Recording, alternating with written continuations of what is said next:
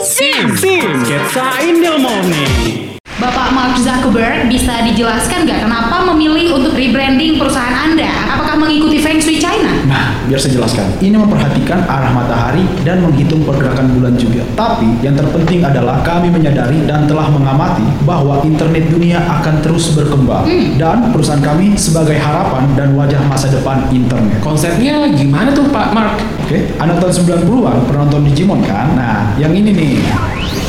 Kita akan bisa melakukan segala hal secara virtual. Macam dunia virtual, Pak. Iya, itu dia. Lalu apa alasan memilih nama Pak Meta? Itu alasannya apa? Nah, nama Meta itu dulu mantan saya, eh, bukan deh. nama Meta itu diambil dari bahasa Yunani yang berarti beyond atau melampaui. Nah, nama ini merujuk pada metaverse, dunia canggih internet yang kita lihat ini. Ya, sim. Sketsa Indomie.